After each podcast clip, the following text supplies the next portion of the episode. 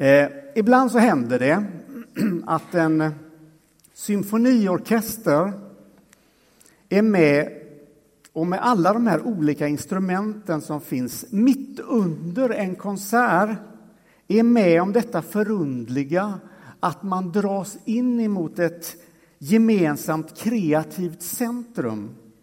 Och därifrån spelar så där riktigt samstämmigt och tajt så att det händer någonting förundligt i rummet och man undrar liksom vad, vad är detta? Någonting öppnas i orkesterns musiker, i stråksektionen, i bläckblåssektionen, bland slagverkarna och inte minst hos dirigenten själv.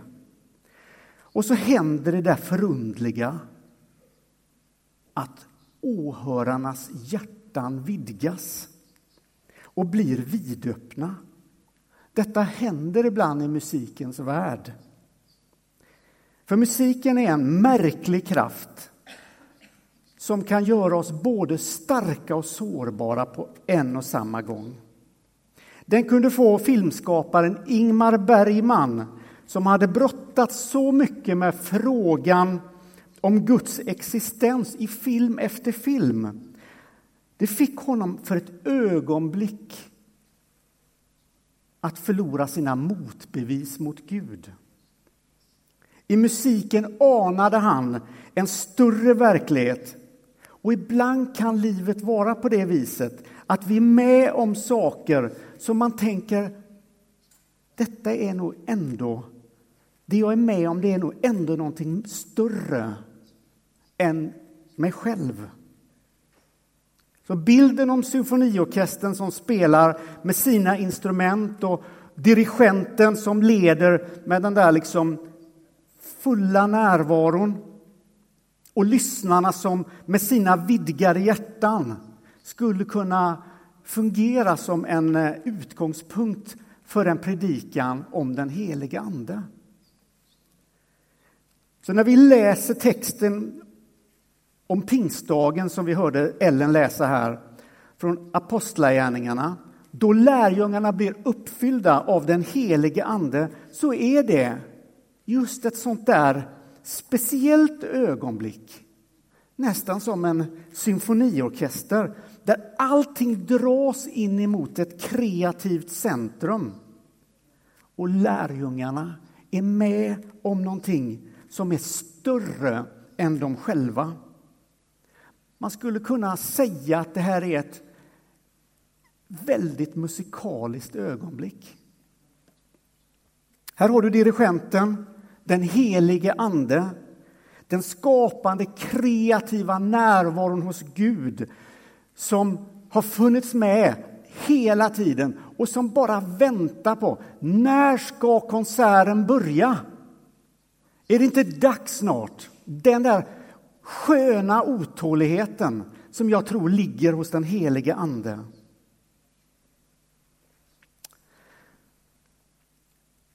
Och den konserten som han startar, det är den konserten som pågår århundrade efter århundrade. Den kommer pågå ända till den dagen då slutet kommer på hela musikstycket.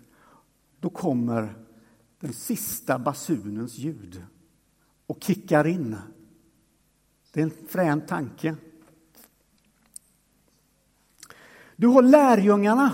Det är själva orkestern som på ett ögonblick när dirigenten lyfter sin dirigentpinne blir uppfyllda av helig ande och med sina röster som instrument talar på olika språk.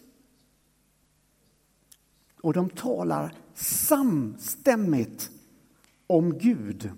Och så har du åhörarna, de som lyssnar, folket. Och den här dagen i texten är de från alla möjliga håll som samlades i Jerusalem.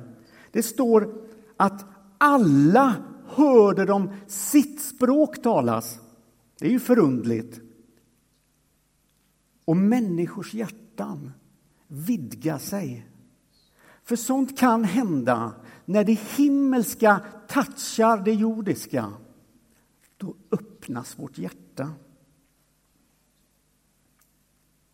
Och vi förstår av hur Jesus talar att det är någonting stort och viktigt att anden ska komma. Men varför? Vad är det som är så viktigt? Vad är själva syftet?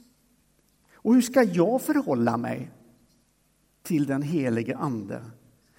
Och för att förstå lite av syftet så kan man tänka i två kategorier. Att den helige Ande har ett extrovert syfte och den helige Ande har ett introvert syfte. Och det extroverta syftet, det riktar sig utåt, alltid utåt, alltid vidare. Den helige Ande håller inte saker för sig själv. Han är utgivande. Hela hans karaktär är på det viset. Han gillar inte gated communities för särskilt utvalda människor. Det är inte hans grej. Det här är inte till för vissa människor. Så när anden faller över lärjungarna så deklarerar anden direkt sitt syfte. Det tar inte en sekund innan syftet blir tydligt. Att alla ska höra. Hade anden varit socialdemokrat så hade han säkert burit en t-shirt med texten Alla ska med. Den kopplingen var kanske lite skum. Men där har socialdemokratin och den helige ande någonting gemensamt. Kan man säga så? Jag vet inte. Kanske. Ja. Här var ju folk från Asien, Mesopotamien, Egypten, Libyen, Rom och så vidare. Och de säger att trots detta så hör vi dem tala på vårt eget språk. Vad var det de talade om? Uppfattade ni det i texten? Om Guds stora gärningar. Om Guds stora gärningar. Detta är Andens extroverta syfte. Att genom lärjungarna och genom dig och mig idag, alla kristna, låta människor få höra om Guds stora gärningar. och höra det, lyssna nu, på sitt eget språk. Alltså på ett sätt så att man kan ta till sig det, så man kan processa det. Vi har varit sjukt bra på att prata kyrkiska. Det är ett svårbegripligt språk. Det är som en, en gated community för redan invigda. Vi har inte alla gånger gjort det lätt för människor att komma åt det här fantastiska som den kristna tron är. Vi har gjort det svårt ibland. Vad skulle hända om Anden fick hjälpa oss att hitta varje människas unika språk? Varje kulturs koder. Vad skulle hända om Anden hjälpte oss att hitta frekvenser i människors liv där ingen har sänt några signaler på lång, lång tid. Och mitt in där tala begripligt på ett sätt så att Jesus blir förstådd.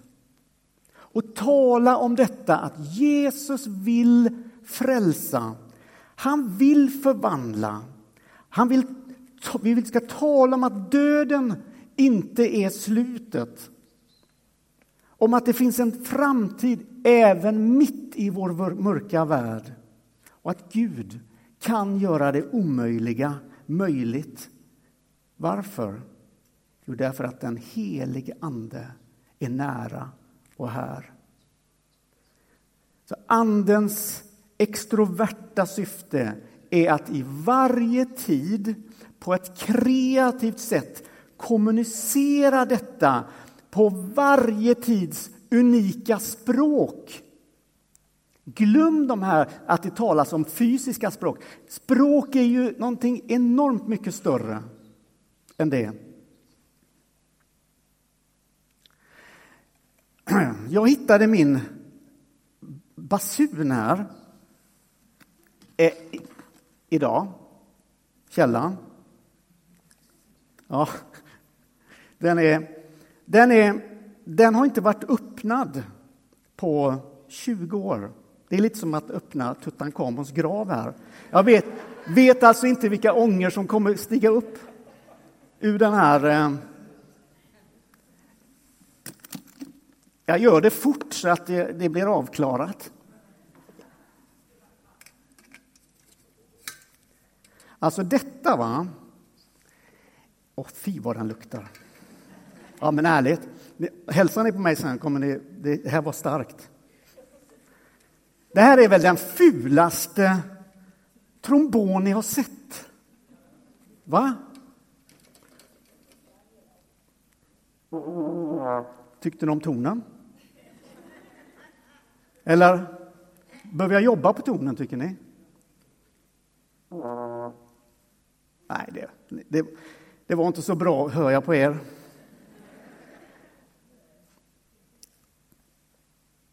Den här, min ton kanske inte var så övertygande.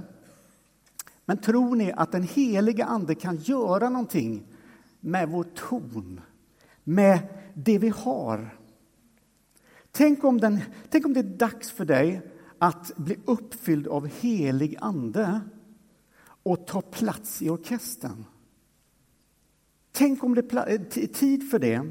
Tänk om det är dags för dig att be till Gud om ett instrument som passar dig och din personlighet så att du kan hitta din unika ton i helheten. Förhoppningsvis har du ett snyggare instrument än jag har. Tänk om du skulle ta fram ditt gamla instrument från källaren och säga till Gud här är det. Det har legat länge. Men spela mig igen, Gud. Spela mig igen. Tänk att du sitter där i orkestern på den platsen som du har fått, som är din plats. Och så lyfter den heliga Ande dirigentpinnen. Och så får du vara med och spela en musik in i vår tid som gör att människors hjärtan vidgas och att livets sår läks och att människor hittar hem. Vore inte det fantastiskt? Men den heliga Ande har också ett extrovert, eller introvert syfte. Och det har med din personliga relation med Gud att göra. Och här är inte anden överhuvudtaget utåtriktad. Det är inte det som är grejen. Det handlar mer om att vara än att göra. Anden vill bara en sak. Och det är att din relation med Gud ska må bra och att ni ska kunna njuta med varandras umgänge. Alltså, Andens uppgift är att hjälpa dig, er att njuta av varandras umgänge. Helt kravlöst. Det är inte för världens skull i första hand.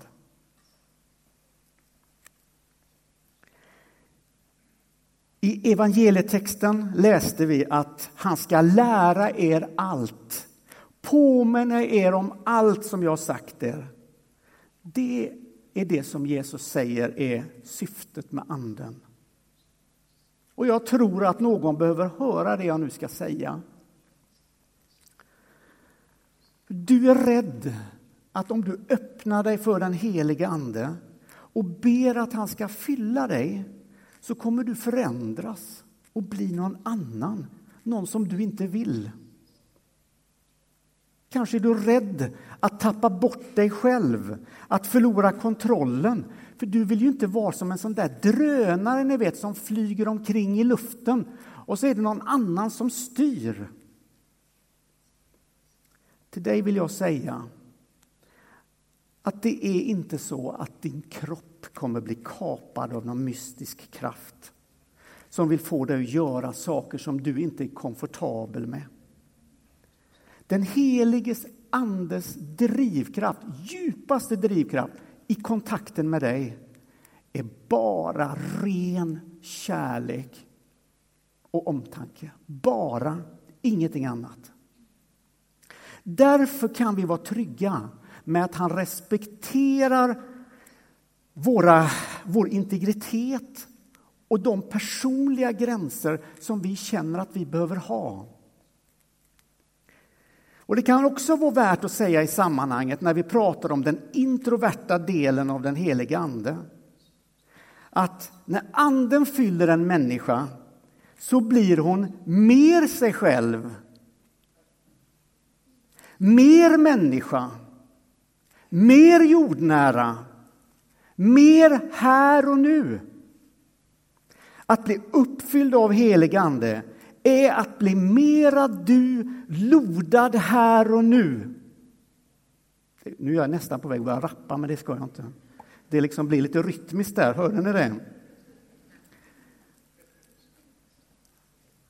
Och för oss lite ängsliga människor, jag kan lätt stiga in i den eh, kategorin, kan det vara gott att veta att ordet för anden i sammanhanget är det grekiska parakletos och betyder hjälpare och tröstare.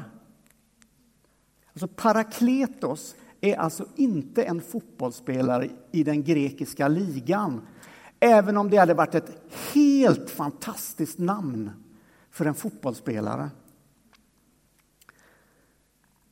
Den introverta funktionen hos Anden vill hjälpa dig att bli kvar i Gud så att Guds kärlek får smälta det som har stelnat i dig och göra dig mjuk igen.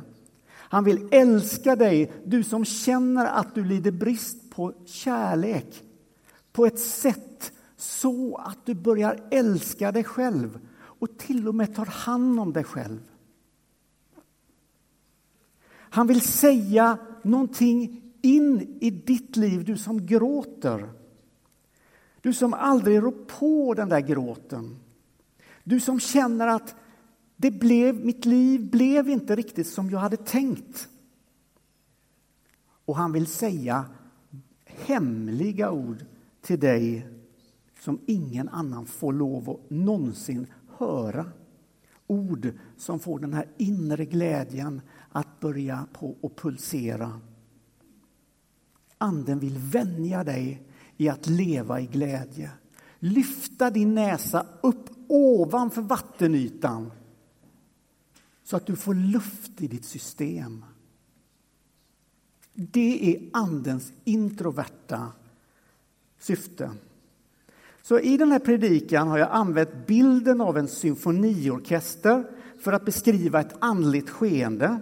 Jag har talat om Andens extroverta syfte för att världen ska höra om Guds stora gärningar och om att ta plats i den orkestern. Jag har briljerat lite med mitt basunspel. Bara lite. Jag har beskrivit hans introverta syfte som bara är att få dig att bli kvar i Gud. Och att du och Gud på ett kravlöst sätt ska kunna njuta av varandras umgänge. Jag vill avsluta med att läsa orden som Jesus lämnade till sina lärjungar. Och det är löftesrika ord att vila i. Och de här, den här sista texten här var ju också det som Fersan läste och som vi, som vi läste i, i evangelietexten.